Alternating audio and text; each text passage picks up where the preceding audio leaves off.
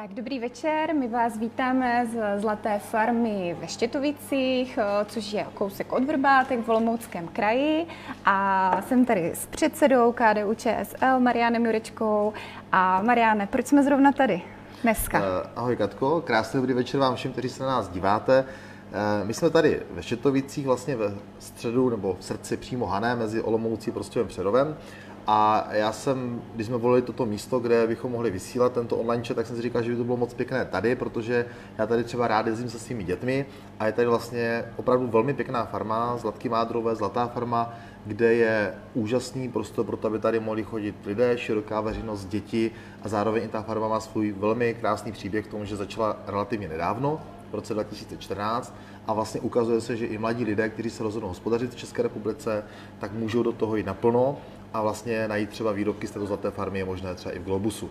Takže mm-hmm. to má prostě i nějakou vyšší myšlenku, proč jsme tady.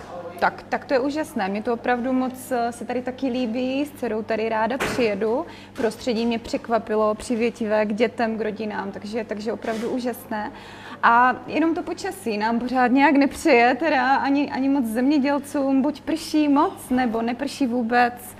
Eh, o počasí se toho opravdu v posledních eh, nejenom letech, ale především řekněme dvou měsících mluví velmi hodně. Já musím říct, že třeba i tady v Olomouckém kraji, eh, kdy jsme tady před zhruba měsícem měli na části Olomouckého kraje v některých obcích opravdu bleskové povodně na Uničovsku, tak hodně lidí se na to ptalo, a vlastně je to důsledek určitých eh, klimatických změn, které nám probíhají. Většinou třeba starší lidé říkají naprosto jednoduše, je to problém sucha. Mm. Mladší generace třeba častěji používá výraz, eh, je to v rámci klimatické změny, tyto jevy se projevují. A když to řeknu úplně zjednodušeně, tak vlastně dochází k tomu, že se nám začne projevovat větší extrémní počasí. Mm. Máme mm. delší periody, kdy je sucho a máme potom velmi intenzivní dešťové srážky. A tyto dvě věci jsou před námi obrovskou výzvou, proto abychom to dokázali řešit tak, aby v budoucnu jednak tady byl dostatek vody v krajině pro zemědělce, mm. pro lidi na pitné účely, i pro průmysl, ale zároveň, aby jsme dokázali dělat taková opatření v krajině, aby nedocházelo k těm povodním, abychom dokázali také žít eh, v lokalitách, kde je bezpečně, kde prostě mm. si nemusíme bát o život, když začne pršet.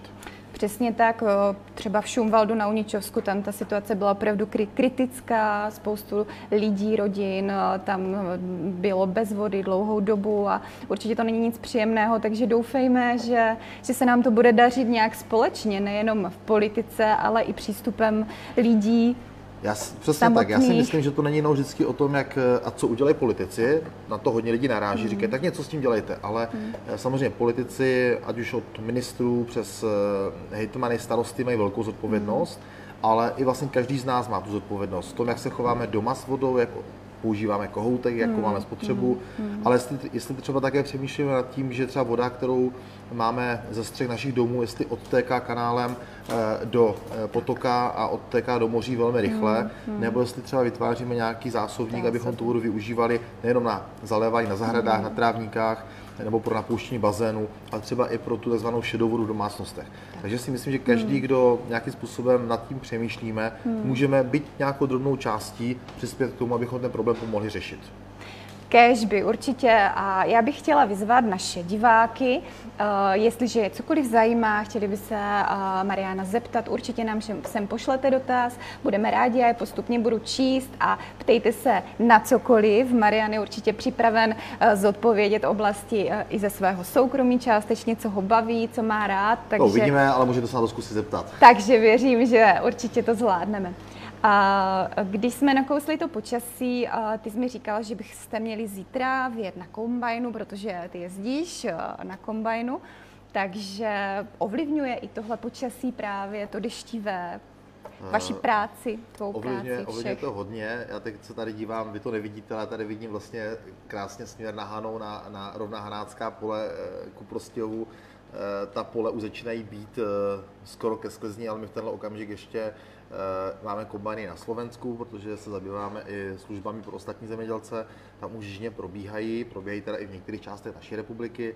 A samozřejmě toto je asi nejnáročnější období pro zemědělce, kdy opravdu já říkám, toto je na podsuchání nervu, protože když už najednou vidíte, že po tom roce, co kolem toho chodíte, staráte se o to, dáte do toho obrovský kus energie i samozřejmě finančních prostředků, a už to obilí třeba už máte zralé a teď vám takhle začne přeprchávat. Tak já vím, že mnoho lidí si to třeba úplně z auta nebo když jde kolem nebo jsou z měst neuvědomuje, ale možná to tady dovysvětlím. to období, kdy to zrníčko uzraje a má tu optimální kvalitu, je velmi, ale velmi krátké. A v okamžiku, kdy třeba vy eh, vám to oblí uzraje a má ty optimální parametry, aby to byla třeba výborná potravinářská pšenice na mletí mouky, mm. nebo aby to byl výborný slad na výrobu dobrého piva, mm. tak stačí takhle 3-4 když takhle bude pršet mm. a, uh, mezi tím párkrát vysvět sluníčko, tak najednou ty parametry v tom zrníčku mm. už nejsou naprosto, nebo nejsou optimální a třeba je potom i velký problém a ví vůbec, to bylo ještě kvalitní krvné obilí. Já si pamatuju i roky, kdy to bylo velmi podobné, v roce 2006, pokud se nepletu, a to během dvou týdnů začaly ty obilky v klasech hmm. i klíčit. Hmm. A v ten okamžik takovéto obilí je prakticky nevyužitelné. Třeba v případě sladovinského ječmene už to nikdy nemůže být sladovinský ječmen. Takže já vím, že dost často se o zemědělcích hledá, co říká, občas si na nás veřejnost stěžuje, ale fakt to není úplně jednoduché povolání. Takže nám fanděte, když nedopadnou dobře, ať máme taky všichni co jíst. Přesně tak, určitě budeme na vás myslet, budeme držet pěsti. Já to znám ze své vlastní zahrádky, když jsme se modlili, že už nám tam konečně něco vyroste a dcera se těšila na jahutky. Pak přijdou slimáci. Přesně, a prší a slimáci a je po všem. Tak, já jsem ráda, už tady máme uh, první dotazy, uh, takže ptá se pan Přemysl Havel, jestli, když, kdy už roztříštěná opozice pochopí, že tak se ano porazit nedá, zapomenout na to, kdo komu zbořil bábovičku a ignorovat osobnost, která demokratické strany spojí a ty potáhnou za jeden pro vás. Proč to nejde? Co udělá pět stran z pěti a šesti procenty, když každá půjde jen za sebe? Děkuji vám moc za odpověď. Tak díky Přemyslu Havlovi, já se pokusím zodpovědět. My už eh, dávno nesedíme s rukama založenými, abychom čekali, eh, co bude, ale vlastně teď máme před sebou za dva a půl měsíce krajské senátní volby. A tam jsme ukázali vlastně, že ta spolupráce je možná, že my o ní stojíme. Třeba v našem případě KDU ČSL jdeme v devíti krajích s ostatními partnery. Jdeme například eh, s TOP 09, se Stanem, s ODS, se Zelenými nebo s některými regionálními partnery. My jsme tady v Olomouckém kraji, tak já tady uvedu úplně konkrétní příklad. Já jsem tady vzali předmět Dolíčný a to jsou naše spojenecké noviny, které v těchto dnech šly tady do schránek v Olomouckém kraji. A právě u nás tady je to čtyř koalice KDU, ČSL, TOP 09, eh, strany zelených a regionálního hnutí pro Olomouc. Takže my už eh, opravdu na té spolupráci, na té synergii pracujeme eh, a i s ostatními předsedy parlamentních stran, demokratických parlamentních stran, se v posledních měsících bavíme o těch formách možné spolupráce a já věřím tomu, že najdeme dobré řešení pro Českou republiku, tak aby v příštích eh, volbách do poslanecké sněmovny jsme dokázali změnit poměry sil v poslanecké sněmovně, aby v České republice mohla být vláda založena na demokratických stranách a aby se tato vláda nemusela opírat o podporu ať už komunistů nebo, ex, eh, nebo SPD. Takže já v tento okamžik o tom třeba nechodím tak často mluvit do médií, ale vězte, že eh, ta jednání a ta komunikace probíhá a v okamžiku, kdy budeme znát nějaké parametry, jak by ta spolupráce mohla vypadat, tak eh, s tím také půjdeme před veřejnost. A rozhodně to je třeba i v našem případě v KDU ČSL tak, že eh, jsme v dnešní v této situaci i ochotní obětovat mnoho řekněme, ústupků pro ten společný cíl. Takže nám držte pěsti a ať to dobře dopadne. Já věřím, že to dobře dopadne. Určitě, budeme v to věřit a uděláme každý z nás pro to maximum, protože ta spolupráce je nesmírně důležitá a není možné už, aby každý hrál sám za sebe.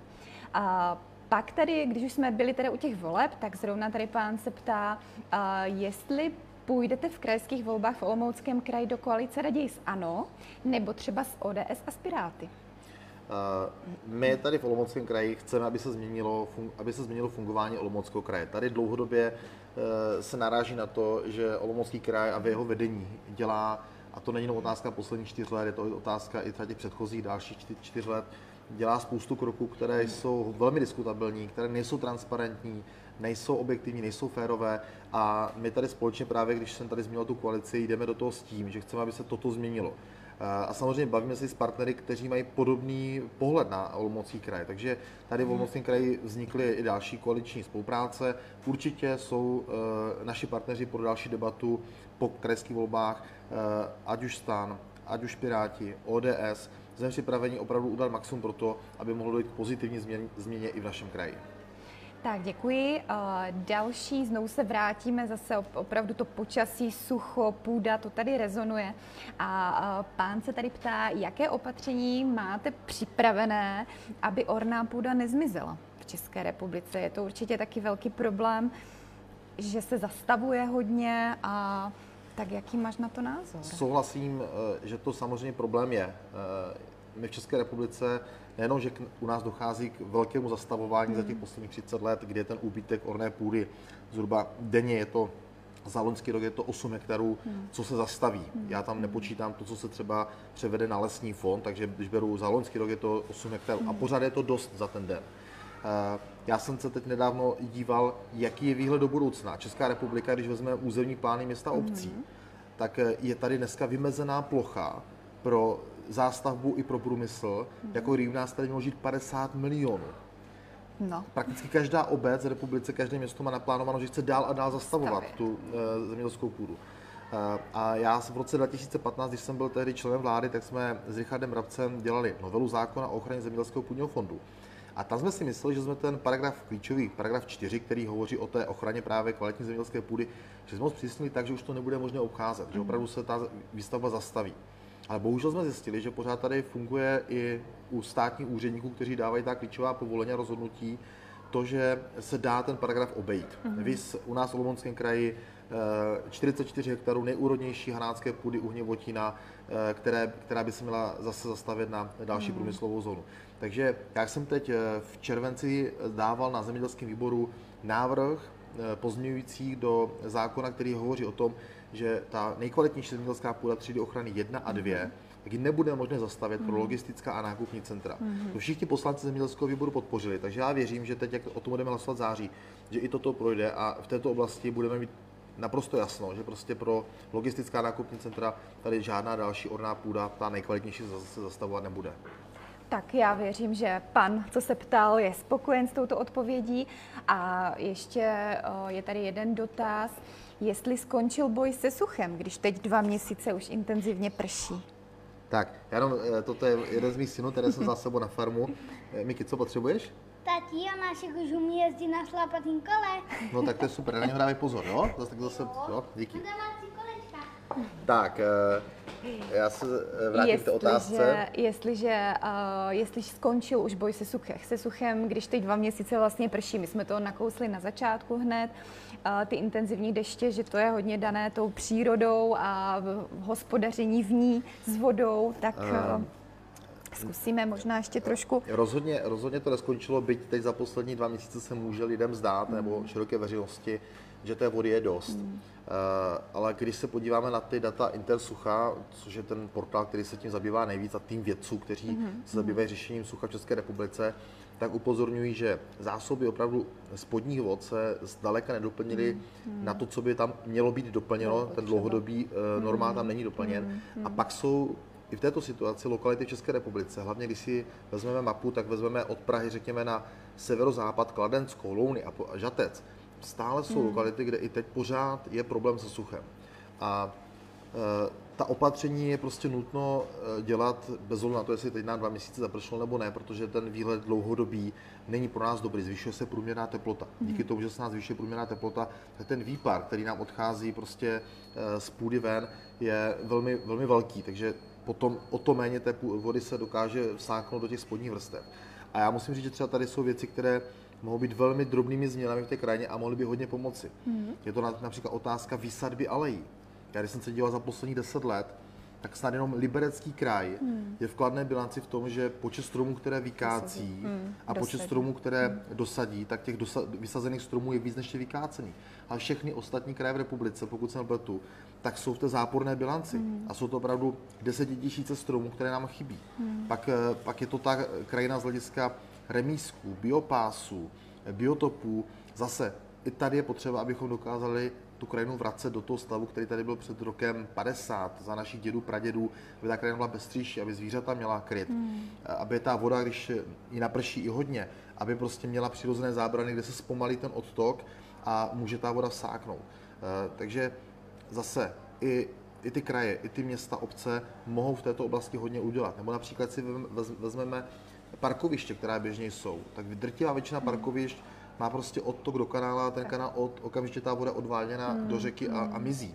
Zaplať pánu už dneska, to vidím i ve svém okolí, jsou obce, města, která hmm. s tím začínají něco dělat a dneska mají parkoviště, kde mají zasakovací nádrž, ta voda eh, odchází do té nádrže a zasakuje se v té lokalitě. A to je potřeba, aby to toho přibývalo.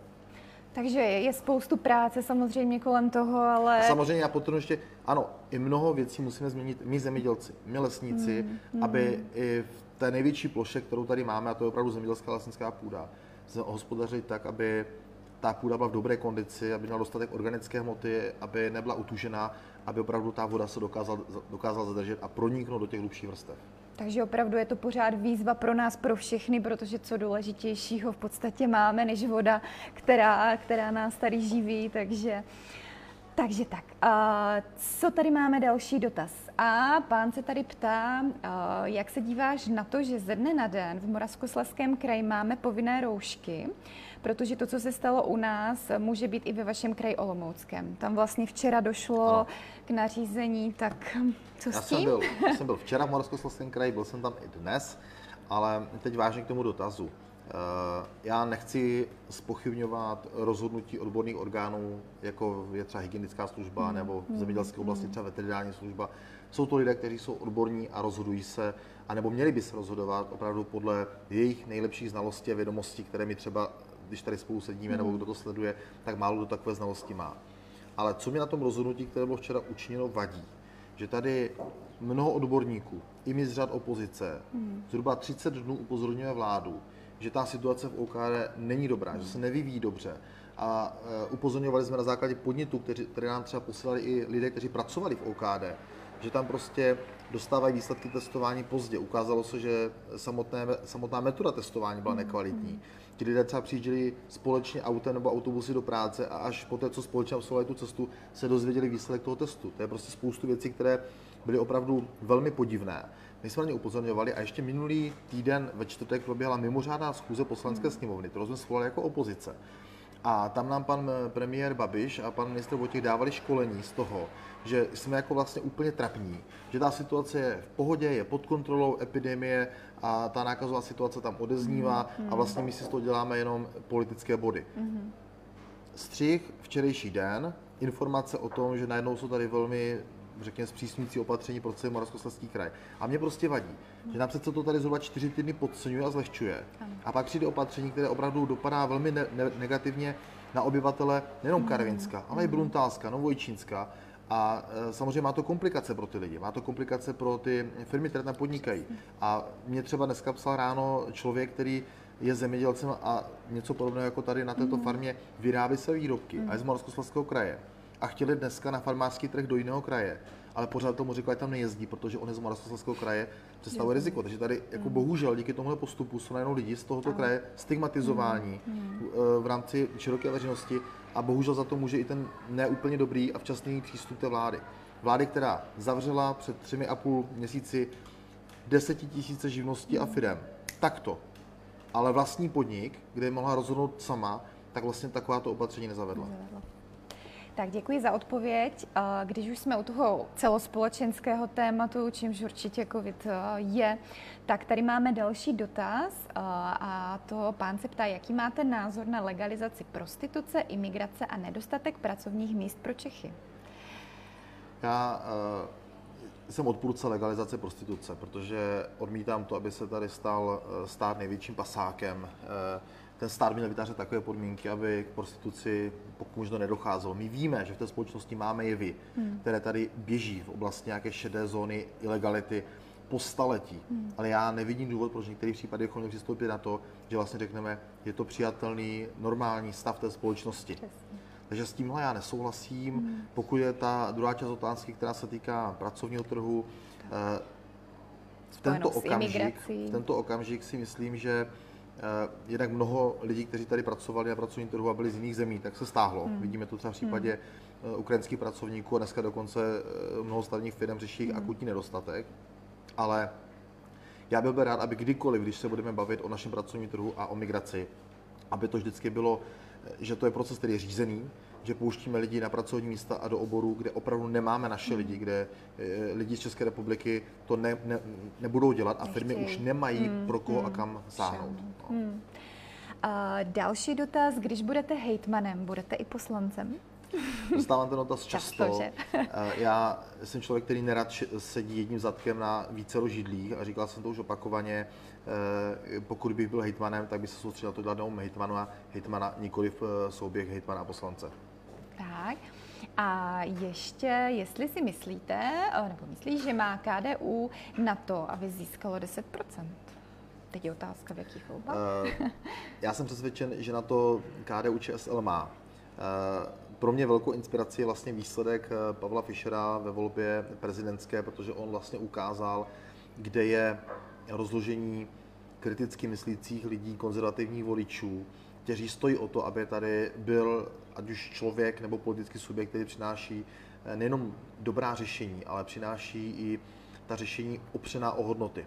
Já mám pocit, že za poslední roky se strašně vyprazňuje z toho veřejného prostoru i z politiky otázka hodnot. Tady se začíná všechno měřit HDP, hmm. čísly. Pan premiér velmi rád operuje tabulkami a číslami, ale já se ptám, kde je potom i e, nějakým způsobem e, prezentace a udržování hodnot, která by ta společnost měla nést. E, kladu si kolikrát otázku vlastně, jak třeba budou naši děti hodnotit tady tuto dobu já jsem člověk, já jsem ročník 81 a já jsem třeba vnímal obrovský hodnotový zlom po roce 89 mm. a to, co třeba přinesla uh, politika, kterou reprezentoval vlastně Václav Havla, kterou se do dnešního odkazujeme díváme se zpět do období první republiky a zase vnímáme mm. Tomáše Garika Masaryka mm.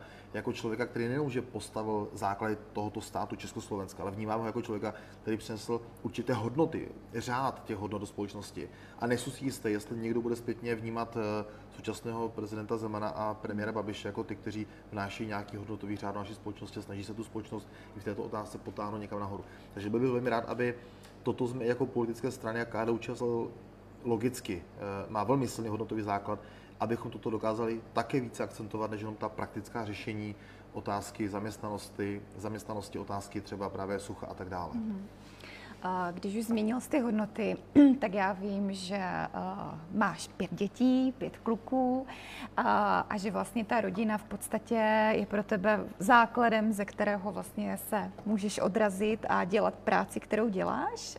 Takže Zajímalo by mě, jak, jak ty vlastně na to pohlížíš, co doma, jak manželka, která je nesmírně statečná, když má muže, který neustále odjíždí teďka od rodiny a ona v podstatě to zvládá tam s pěti klukama sama, tak jak to mě, mě jako ženu to určitě zajímá, protože tak mám asi, jednu asi, holčičku asi, zatím, takže... Asi na spoustu otázek by možná lépe odpověděla manželka než já, nebo objektivně by odpověděla tak. Uh, já vlastně, já jsem sám z pěti dětí. Eh, my jsme tři bratři, dvě sestry. Eh, mimochodem moje babička se narodila asi dva kilometry odsud, tady na místní osadě Svárov. Mm-hmm. Takže opravdu tento region je můj, můj rodný region. My, když jsme se s manželkou poznali, tak to bylo na letních táborech jako vedoucí. Takže vlastně děti a vlastně práce, péče o děti nás nějakým způsobem spojovala, spojuje dodnes si myslím.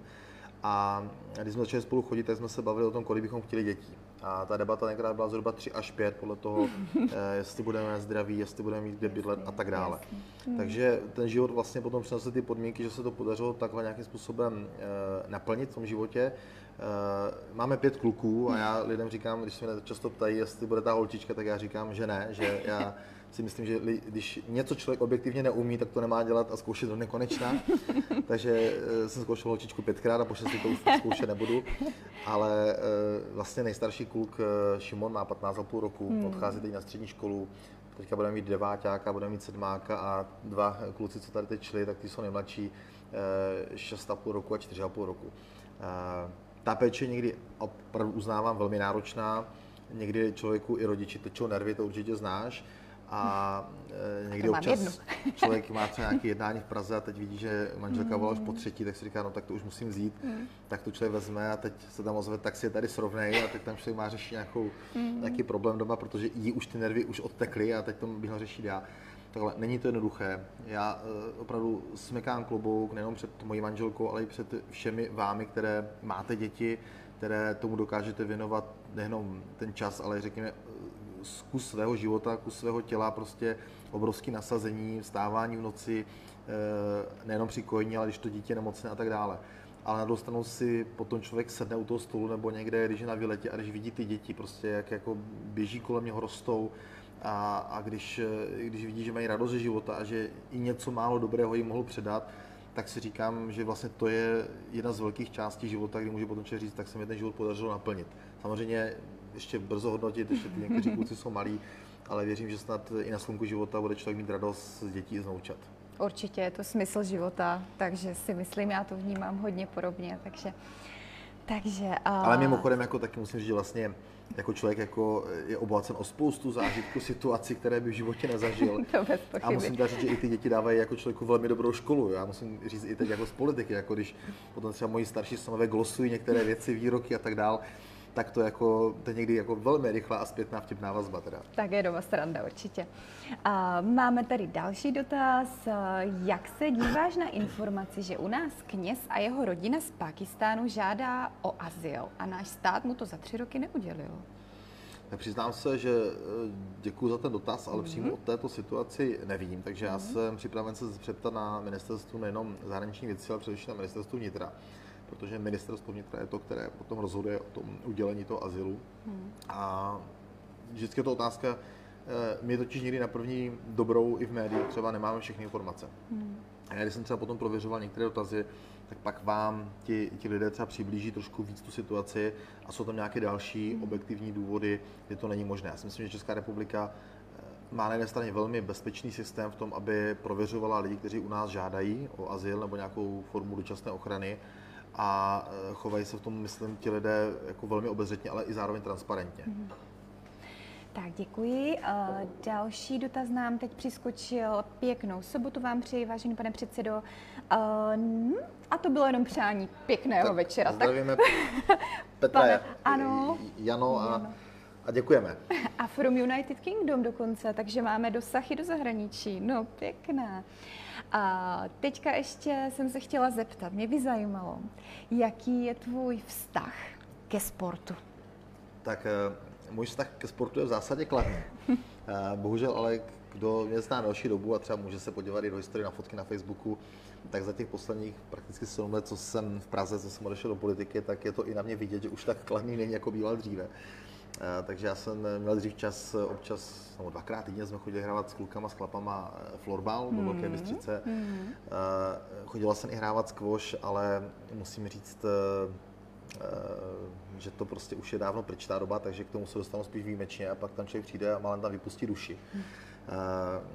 Občas ještě jsem schopen vytáhnout kolečkové brusle, to je taky ale velmi málo času No a občas kolo. Takže mm-hmm. upřímně říkám, jako dneska, když jsem třeba i o víkendu doma a je sobota, tak než bych vzal e, flobralovou pálku anebo kolo a šel někam hrát, sportovat, tak e, to spíš s klukama staršíma vezmeme míchačku, zbíječku a jdeme dělat nějaké věci, které na tom seznamu, který má člověk doma udělat, e, dlouho visí a potřebujeme s tím pohnout dál, takže víc toho fyzického pohybu člověk má při té prací tak jdete spolu kutit, což myslím, že je taky super, když, když táta jde s klukama a oni se to od něho můžou naučit a pak to aplikovat dál. Mimochodem, to... já jsem třeba zjistil, jako vidím to u svých synů a jejich vrstevníků, eh, že třeba nejstarší syn je jako, a to lidé taky vidí na Facebooku, hodně jako kutil do motorek, rozdělává motory, pionýry, javy a tak hmm, dále, v tom hodně hmm. žije.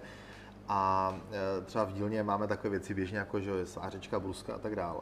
A když potom vidí, že přijdou třeba jeho vrstevníci a jako chtějí si půjčit slářičku, jestli mohli třeba vyzkoušet no. svařování, tak já vlastně zjišťuju, že i už na těch vesnicích u nás mm. je to tak, že spoustu těch tátů má doma garáže, mm. ale nemá dílny. Mm. Že vlastně tam chybí mm. opravdu, mm. já jsem tím prošel eh, a viděl jsem to mého tatínka i u mých dědečků, že prostě opravdu eh, mnoho věcí se opravilo doma, vyrobilo doma Přesný. a tak dál. A mm my to dneska úplně nepotřebujeme, my si spoustu věcí koupit, ale na druhou chybí to, aby vlastně se předávala ta zručnost, ta eh, schopnost jako manuálně pracovat mm. a myslet logicky a udělat třeba nějakou improvizaci, tak to mi třeba trošku chybí a říkám si, jak se s tím ty dětská ženou mm. jako zase vyrostou a zatím většina té společnosti vyrůstá v tom virtuálním světě mm. počítačových her.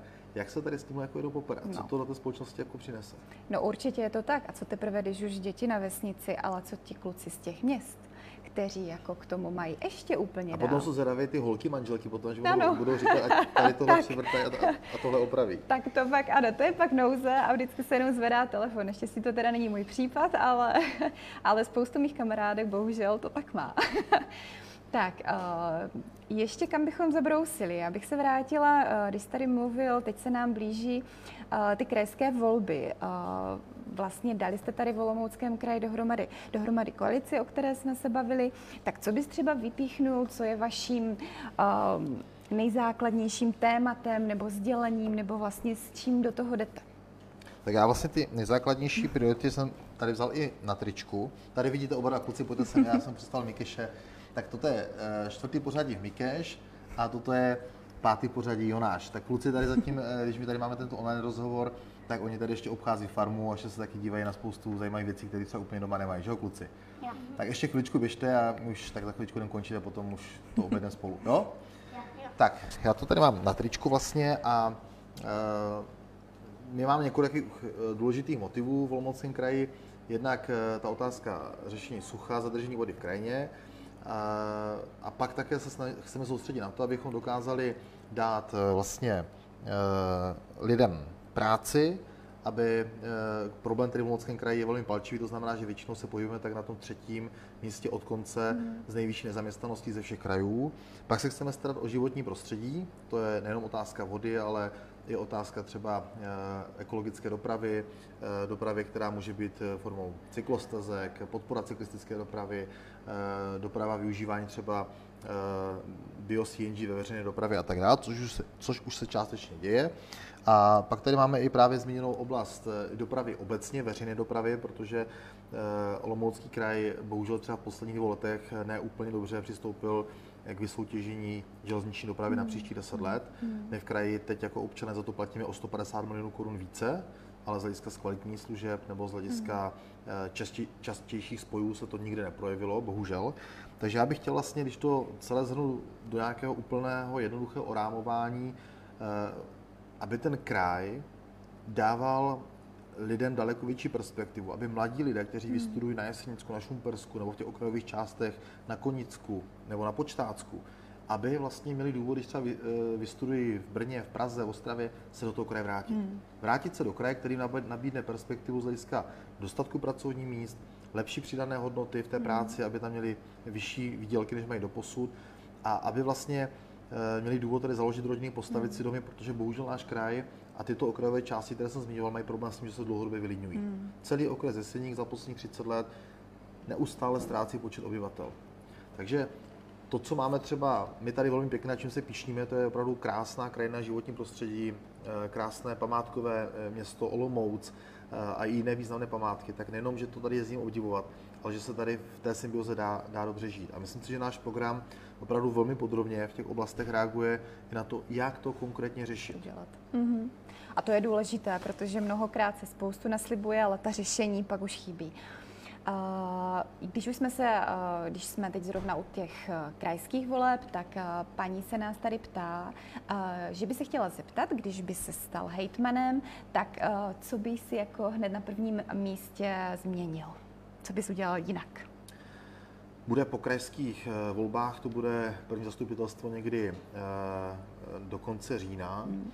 A vlastně klíčový podzim vždycky je e, v tom, že se řeší veškeré dotační tituly na ten další mm-hmm. rok. Mhm. A první, co bych chtěla, aby opravdu kraj se začal chovat transparentně a férově. Mm. U nás dneska skoro všechny dotační tituly mají takovou kouzelnou část hodnocení, kdy třeba ze 100 bodů 20% bodů uděluje Rada kraje. Mm. To tady v minulosti nebývalo. Mm. A já bych chtěla, aby prostě jsme řekli, každý, kdo žádá, tak má opravdu férový přístup k dotačním titulům na základě objektivních parametrů. Mm-hmm. Takhle já jsem to měl mhm. nastavené u sebe na ministerstvu mm-hmm. a i když mě třeba volali lidi, kamarádi a podobně, řekli, hele, my bychom rádi a podobně říkám, tak tady já opravdu nebudu mhm. sloužit. Jo? Tady mhm. prostě máte vody, tady vidíte dopředu, jaké jsou transparentní podmínky a podle toho se zaříďte. A to bych chtěla, aby tato transparentnost, sférovost, objektivnost tady v kraji platila vůči obcím, vůči spolkům, prostě vůči všem, kdo v tomhle kraji nějakým způsobem přichází a žádají nějakou finanční podporu ze strany kraje. To tady chybí a to máme vlastně i ve společném programu jako jednu z velkých priorit, aby jsme se chovali férově, transparentně a efektivně, abychom nedávali peníze na nesmyslné projekty, jak se tady prostě občas taky stává. Tak děkuji za odpověď. Uh, teď já tady rychle musím přelouskat dotaz. Mm-hmm. Vláda a politici vůbec se chtějí z krize proinvestovat. Do čeho se hodlá angažovat oboru firem, jakým způsobem nastavit kritéria, aby se vyhodnotil perspektivní obory? Uh, já si myslím, že na, na první dobrou uh, ta taktika, že si chceme proinvestovat, si myslím, že je správná. Uh, když se podíváme do Německa, což mm. je ek, motor evropské ekonomiky, tak vidíme, Angela Merklová i vláda obrovským způsobem investuje v řádu hmm. bilionů euro do podpory ekonomiky. Hmm. A mnoho ekonomů jako říká, že vlastně když to pozorují, takže německé firmy z této krize mohou výjít ještě posíleny a mnoho se jí obává, že třeba německé firmy budou třeba přicházet a třeba skupovat i oslabené české firmy a tak dále. Takže rozhodnutí pro investovat se myslím si, že je správné. A samozřejmě ten dotaz té druhé části míří na to, které ty obory jsou jako perspektivní a jak se proinvestovávat. Pro... Já to až, Já asi to trošku louskala. rozdělím. Já bych uh, viděl zaprvé, proinvestovávali jsme se v těch věcech, které víme, že stejně musíme udělat. Hmm. Jestliže víme, že potřebujeme postavit nějakou infrastrukturu za dva, za tři, za čtyři roky, tak pokud ji začneme stavět teď nebo zrychlíme tu výstavbu, tak my stejně potřebujeme, ale dokážeme tím vytvořit ty pracovní místa, mhm. podržet mhm. nějakou část eh, těch pracovních míst. Takže určitě i do těchto běžných věcí dopravní, železniční, datová infrastruktura velmi důležité pro mnoho lidí, aby mohli pracovat eh, v rámci home officeu, z domu a tak dále. A pak jsou to ty perspektivní obory. A tady si myslím, že v České republice bohužel ta strategie úplně dobře nefunguje, protože když se podíváme třeba na výkony našich vědeckých center, tak obrovské množství patentů, chráněných vzorů odchází do zahraničí. Takže my jsme zaplatili ty vědce, my jsme zaplatili tu vědeckou infrastrukturu, my ty náklady neseme, částečně i z evropských peněz, ale bohužel neumíme, nebo v minimální míře umíme zužitkovat tyto nápady do toho, aby to ty firmy u nás třeba mohly vyrábět, hmm. aby už to byl nějaký konečný finální produkt. Takže já bych byl rád, abychom se zaměřili na tyto oblasti, a to je oblast robotizace, mm-hmm. oblast eh, nanotechnologií. Mm. Nanotechnologie nejsou jenom v oblasti zdravotnictví, ale nanotechnologie prostupují do oblasti stavebnictví, mm. ochrany rostlin, do mnoha jiných oborů, do optiky.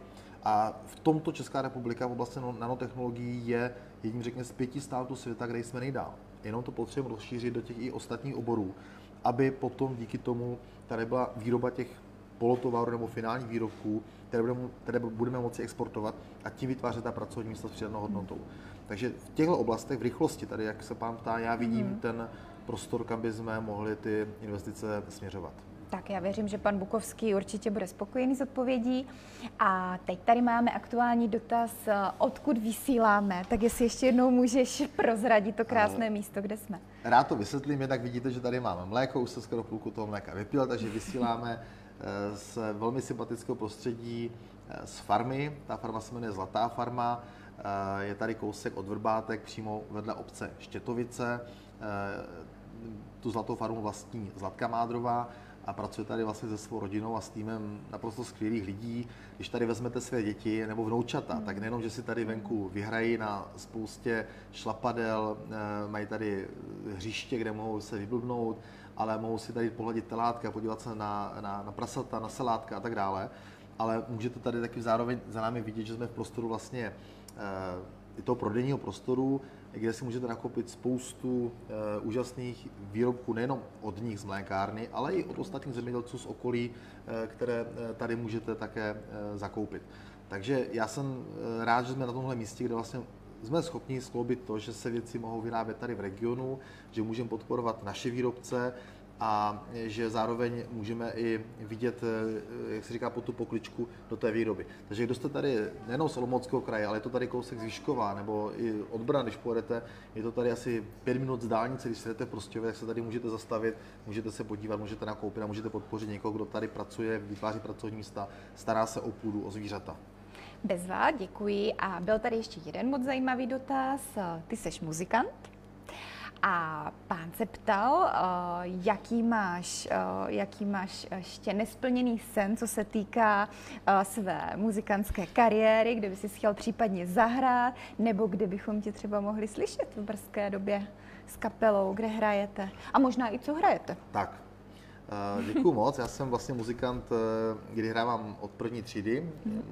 Tu dobu to bylo tak jako, že rodiče nás k tomu směřovali, takže musím říct, že ne vždy v tom období základní školy člověk chodil do lidušky Měla jsem to stejně. s láskou, přiznávám, ale začínal jsem na housle, pak pan učitel vysvětlil mojí mamince, že s těmito prsty ze mě nikdy Paganini nebude ale že třeba na kontrabas by to bylo dobrý. Tak mě dali na kontrabas a zároveň u toho jsem začal hrávat na tubu. Takže já zhruba od 10-11 let hraji na tubu, takový ten velký dechový žestový nástroj. No a vlastně začal jsem hrávat v dechovkách a ještě jsem se naučil hrát taky na baskytaru, takže jsem hrával i takové taneční kapele. No a na tu tubu vlastně hrávám dodnes. Eh, Hrával jsem tady hodně dlouho s dechovou kapelou Věrovanka, ta je tady kousek odsud. A pak jsem nějaký krátší čas hrával s moravskou veselkou, taky dechovkou. No a to mě tak vydrželo zhruba do roku 2010 a pak už fakt taky ta manželka řekne, hele, máme tři děti, Člověk chodil v tu dobu hrát zhruba na nějaký 70 kšeftů za rok a to už je skoro každý víkend tím rozstřelený, takže ono to úplně nejde dohromady a ještě do toho různé další aktivity. Takže tam už jsem to, jak se říká, tak částečně pověsil na hřebík a chodil jsem dlouho, dlouhou dobu hrát jenom, když nikoho neměli. Mm-hmm. Když zháněla kapela tubistu nebo na Vánoce, na Velikonoce, takže tam, tam jsem chodil hrávat. No a zhruba před čtyřmi lety přišel takový jeden námět z jedné menší obce, že zháněli peníze na lavice. Já jsem se rozhodl tam udělat pro ně hudební benefici, dal jsem dohromady partu tehdy čtyř muzikantů. No a z toho se zrodilo to, že dneska je nás pět muzikantů mm-hmm. a hrajeme ve velmi specifickém obsazení uh, hoboj, příčná flétna, mm-hmm klavír, lesní roh a tuba právě. Mm-hmm. A máme speciálně aranžované noty pro toto uskupení, protože takové uskupení standardně nikde na pódiu mm-hmm. není. A hrajeme hudbu od opravdu baroka, eh, od takových velikánů, jako je Bach, eh, Handel, Eh, až eh, přes období romantismu. Máme tam skladby Zdeňka Febicha, Antonína Dvořáka, ale jdeme až k současným mm. autorům jako Michal Lorenz, polský eh, úžasný uh, autor, který napsal, napsal třeba fil, uh, hudbu k filmu Masaryk. Mm-hmm. A hrajeme třeba i věci od uh, Ennio Morriconeho, mm. Andrew Lloyda Webera. Mm. Takže snažíme se, když k nám přijdou lidé na koncert, aby si opravdu každý přišel na své. Ať už někdo doma rád starší hmm. muziku, nebo kdo rád si poslechne, třeba i máme tam You Raise Me, you Raise Me Up od Dua Secret Garden, hmm. takže takový průřez. A hrajeme vždycky pro nějaký, řekněme, dobročný účel. My nehrajeme na kše, to, to, já nemám zapotřebí ani tím muzikanti, co hrají se mnou, takže hrajeme eh, pro tyto účely. A teď se nás budou moci lidé poslechnout eh, pokud se nepletu, eh, v neděli 9. srpna v Přerově, pokud to říkám správně, v 15 hodin tam budou hody, tak budeme hrát mm-hmm. při mhm. hodech koncert odpoledne. Plánujeme i koncert 28. srpna v Olomouci nebo v okolí Olomouce. A musím říct, já jsem si už velkou část snu jako muzikant splnil. Já jsem třeba měl tu čas hrát jako muzikant Janu Pavlu II., když byl tady v Olomouci mm. na letišti e, při jeho návštěvě. Mm. Já už musím říct, že těch levelů tam už moc není, kam by člověk ještě mm. mohl jako jít ale plánujeme tak, takový sen je jako nějaký opravdu jako vydařený pěkný open air koncert někde v nějakým lomu s pěknou akustikou. Takže vzít lidi do přírody, protože v těch koncertních hmm. místech, které se pohybují často, ale vytáhnout do přírody, do pěkného přírodního akustického prostoru a tam si zahrát. Tam to bude znít bezvadně, jenom to počasí teda. To, počasí. to je teďka. Uh, ještě by mě zajímalo, když jsme se bavili o těch tvých životních metách, tak ty jsi v podstatě jeden z nejmladších předsedů KDU ČSL a v politice vlastně už si dosáhl v podstatě vrcholu. Jsi předseda strany, byl jsi ministrem, poslanec. Co teď? Co dál? Samozřejmě kariéra ještě je dlouhá před tebou, ale člověk, když si tak řekne, hm? Já, to, že jsem šel vlastně do politiky, tak musím říct, že trošku jako, já slovo omyl nemám rád ani náhodu. Jo? Já v životě na náhody úplně nevěřím, myslím si, že každý máme někde jakoby dán ten náš e, životní příběh a teď ho jdeme jenom nějakou cestou, tou životní a naplňujeme ten ideál toho našeho života. A samozřejmě člověk může v nějakých mezních situacích říct, že ne, že to odmítá, že to nejde. Ale já jsem se do politiky dostal v roce 2010, mm-hmm. když KDU ČSL vypadla z poslanecké sněmovny, tak tehdy nás jako mladé neznámé zvolili zvolili do vedení KDU. Já si myslím, že mnoho těch delegátů si tenkrát řeklo, už to horší být nemůže, tak je tady zvolíme, ať se ukážou, co umí s Pavlem Bělobrátkem. A pak v roce 2013 jsem byl tedy zvolen poslancem a stal jsem se vlastně ve 32 letech ministrem zemědělství. Ale já to neberu na to, že by člověk pokořoval nějaké mety nebo nějaké si plánoval, protože navíc politice plánovat úplně jako nejde. Tady dneska jste a zítra se může něco stát a, a nepředvídaného a vy můžete být úplně jiné pozici. Ale snažím se to spíš hodnotit tím, jestli se díky té práci v té politice podaří nějaké pozitivní věci, hmm. jestli se člověk podaří, jestli se mu podaří něco prosadit, něco změnit. Aby když se třeba jednou ohledají třeba za 10, za 15, za 20 aby si řekl, mělo to smysl, že ten čas, který jsem tam strávil, ať už je to člověk jako starosta, hmm. nebo prostě třeba, já nevím, i, i normální zastupitel, protože každý, kdo to, do toho něco někdo hmm. někdy dělá, tak ví, že to je i obrovské množství času. Kolikrát dostává nadávky, lidi mu spíš jakoby eh, něco vyčtou, než hmm. pochválí. Holce to tak u nás nosí. Tak eh, já mám prostě takových několik momentů, kdy Eh, když se ohlednu, tak si řeknu, jo, mělo to smysl. Udělali jsme nějaké posuny, podařilo se něco změnit. Eh, vidím třeba spoustu krásných opravených staveb, eh, na které jsme dali finanční prostředky hmm. z ministerstva zemědělství, když jezdím po našem venkově. Já vím že to jsou ty konkrétní. Já vím, hmm. že třeba ti lidi mě potom psali a řekli, jsme rádi, po 30 letech se to podařilo zachránit, obnovit. Jedete krajinou a vidíte, když jdu třeba po dálnici mezi Ostravou a Olomouci doporučuji, kdo dominete hranice, tak je tam obec Bilotin. Rozhledněte se z toho dálničního tělesa, jak ta krajina okolí Bilotina vypadá. Mm. A zase, když vidíte, že i tyto drobné stavby v krajině, teď myslím mokřady, rybníky, jste mohlo pomoci podpořit, to není tak, že jste, vy jste to zařídil. Ani premiér, ani minister to, on to nedělá, on tam ty peníze nedal. My jsme jenom ti, kteří to zprostředkovali, aby se to někam nasměrovalo. Tak z toho máte obrovskou radost a pak je to to vnitřní uspokojení, když si řeknete, jo, mělo to smysl. Hmm. Ještě když jsme u té politiky takhle, tak eh, ty jsi mladý předseda, mladý politik, a, ale co mladí lidé v politice? Jak je dostat do politiky, jak je motivovat? Tak já Co už, s tím? Já už tak mladý nejsem. Já říkám, eh, ano, jsem 81. ročník, ale když už jste v politice těch 7-8 let, tak už mnoho lidí má pocit, že už jste tam strašně dlouho. A já bych chtěl, aby opravdu mladí lidé přemýšleli nad tím, že politika není něco, co je jako vzdáleno od nich, ale naprosto bezprostředně, bez, bezprostředně se jich to týká. Mm. Když chodím třeba přednášet eh, do škol, i třeba do základních škol, tak když s těma lidma mluvím, tak se těch děcek ptám, říkám, mm. myslíte si, že třeba ovlivňuje váš, politika vaše, živo, vaše životy, i třeba tady v té škole? Mm.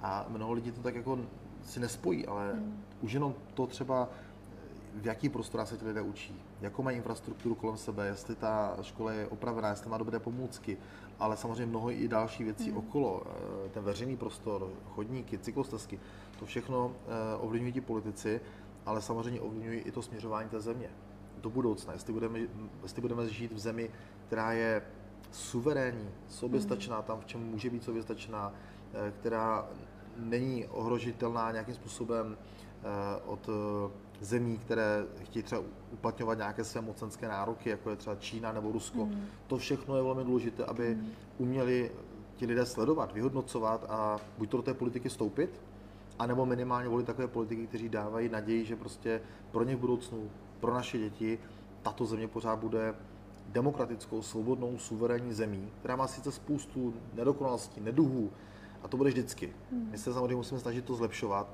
ale vadí mě takové to rezignování hmm. a říct jako politika je věc špinavá, to dělá někdo jiný. Hmm. Tak si to tak řekneme všichni tak toto potom takhle bude. Přesně, tak. Takže já bych měl velkou prozbu na mladé lidi, eh, zajímejte se o politiku, eh, vstupujte do ní, choďte k volbám, můžete hodně věcí v České republice ovlivnit. Já jsem to příkladem. To, že člověk takhle mladý a ne, nejsem z rodiny, kde by někdo u mých rodičů, prarodičů byl politikem, Přesto jsem se do té politiky mohl dostat, dostal jsem prostor a stále ten prostor tady mám. Děkuji. Uh, další dotaz. Jaký výsledek bude pro KDU ČSL v krajských volbách skvělý a jaké máte cíle? Uh, tak respektive. Já to vezmu globálně přes celou Českou republiku. Já věřím, že KDU ČSL bude mít více zastupitelů, než máme teď. Teď jich máme 62 krajských zastupitelů mm-hmm. a jednoho hejtmana. Tak já budu velmi rád, když budeme víc zastupitelů a budeme mít případně i více hejtmanů. A když se podívám k nám do, Olomouc, do Olomouckého kraje, tak my tady společně, jak jsem tady zmiňoval, tu naší čtyřkoalici, děláme teď všechno pro to, abychom se pokusili vyhrát volby eh, v Olomouckém kraji. Pokud se na nás díváte a jste z Olomouckého kraje, a není vám to jedno, tak nám můžete i pomoci. Můžete se zapojit jako dobrovolníci, můžete nás podpořit i třeba drobným finančním darem. Eh, ta pomoc těch dobrovolníků může být, eh, řekněme, velmi symbolická i třeba v tom, že nám dáte kontakt a pomůžete nám třeba roznést ve vaší ulici, ve vašem bytovém domě noviny nebo jakékoliv materiály. Opravdu cokoliv, s čím nám pomůžete, uvítáme. Nebo nám můžete dát i nějaký podnět, zpětnou vazbu, samozřejmě i za to budeme moc rádi. Tak díky. Ještě se tady pán ptá, jestli jezdíváš i na svatý hostín a případně nějaká jiná místa, nebo jestli se tam chystáš? Eh, jezdíváme s rodinou, eh, víceméně tady v tom moravském prostoru Velehrad, Hostín, Svatý Kopeček, jsou asi nejnaštěvovanější poutní místa. Já musím říct, že já mám třeba osobně rád ještě taková místa, která nejsou tak známa. Třeba lidé tady z tohoto úplně malého regionu budou znát Eh, poutní kapličku u Majetina v Olší, mm-hmm. tak jako velmi hezké místo doporučuji, kdo pojedete autem mezi Majetinem a Krčmaní, zastavte se tam někdy, je tam, je tam pramen vody, eh, je to velmi pěkné odpočinkové místo, nebo třeba kdo zná u Oder, tak je takové krásné místo eh, přímo u Odry, Pana Maria ve skále, je to zase taky velmi dobrý typ na rodinu, na rodiny i výlet. Do okolí je tam nádherný mlín, v blízkosti starý vodní mlín, takže se snažíme v průběhu roku i tato zajímavá místa, poutní místa, ale zároveň to třeba vždycky propojit i s tím, aby i děti měly třeba nějaký zajímavý taky svůj cíl, který mohou v rámci toho výletu eh, dobít. Přesně tak. Další dotaz tady máme ještě, co se týká škol. Když jsme to nakousli, pan píše, že se byl podívat na průmyslovce na učňáku a většinou jsou to hodně zanedbané prostory. Připomnělo mi to zlatá 80. léta. Jak se má mládež cítit, když vidí takový přístup a podmínky k technickým oborům a řemeslům? Bohužel, bohužel pán má v zásadě pravdu že to tak v těch školách často vypadá, mm. že když se bavím s některými třeba náměstky hitmanů, které mají na starosti právě celé střední školství, protože střední hmm. školství je v gesti krajů, základní školy jsou v gesti obcí a měst, tak uh, říkají, ale podívejte se, my jsme tady proinvestovali jako tolik a tolik peněz, velké peníze. Ale já říkám, ale nestačí investovat do střechy, do hmm. fasády, mm. do nějakého zateplení, to je všechno důležité, to já nespochybnuju. Ale potřeba investovat mm. také do té kvality výuky a do toho, do toho, jak na, především technické obory, protože ty jsou finančně náročnější než gymnázie nebo obchodní akademie, na čem se ti studenti učí. Mm. A já, když jsem byl ministrem, tak musím říct, že ministerstvo zemědělství bohužel už 20 let nemá nic společného se zemědělským školstvím odborným. Mm. odborným. Mm. A přesto jsem vzal 50 milionů korun z našeho rozpočtu ministerstva zemědělství a řekl jsem, tyhle peníze dáme právě na vybrané střední školy, mm. u kterých chceme zvýšit tu eh, kvalitu výuky, právě v té praktické části. Mm. Takže díky těmto penězům si mohly střední školy, eh, ať už lesnické, mm-hmm. zemědělské, potravinářské a další, které patří do tohoto sektoru, nakupovat nové traktory, nové vybavení laboratoří, nové vybavení třeba harvestory nebo, nebo simulátory harvestory a podobně. A musím říct, že takhle jsme to vlastně nastavili a od, od doby, kdy jsem to nastavil, to zaplať pámu běží i v dnešních dnech pořád. I, i mý dva nástupci to zachovali.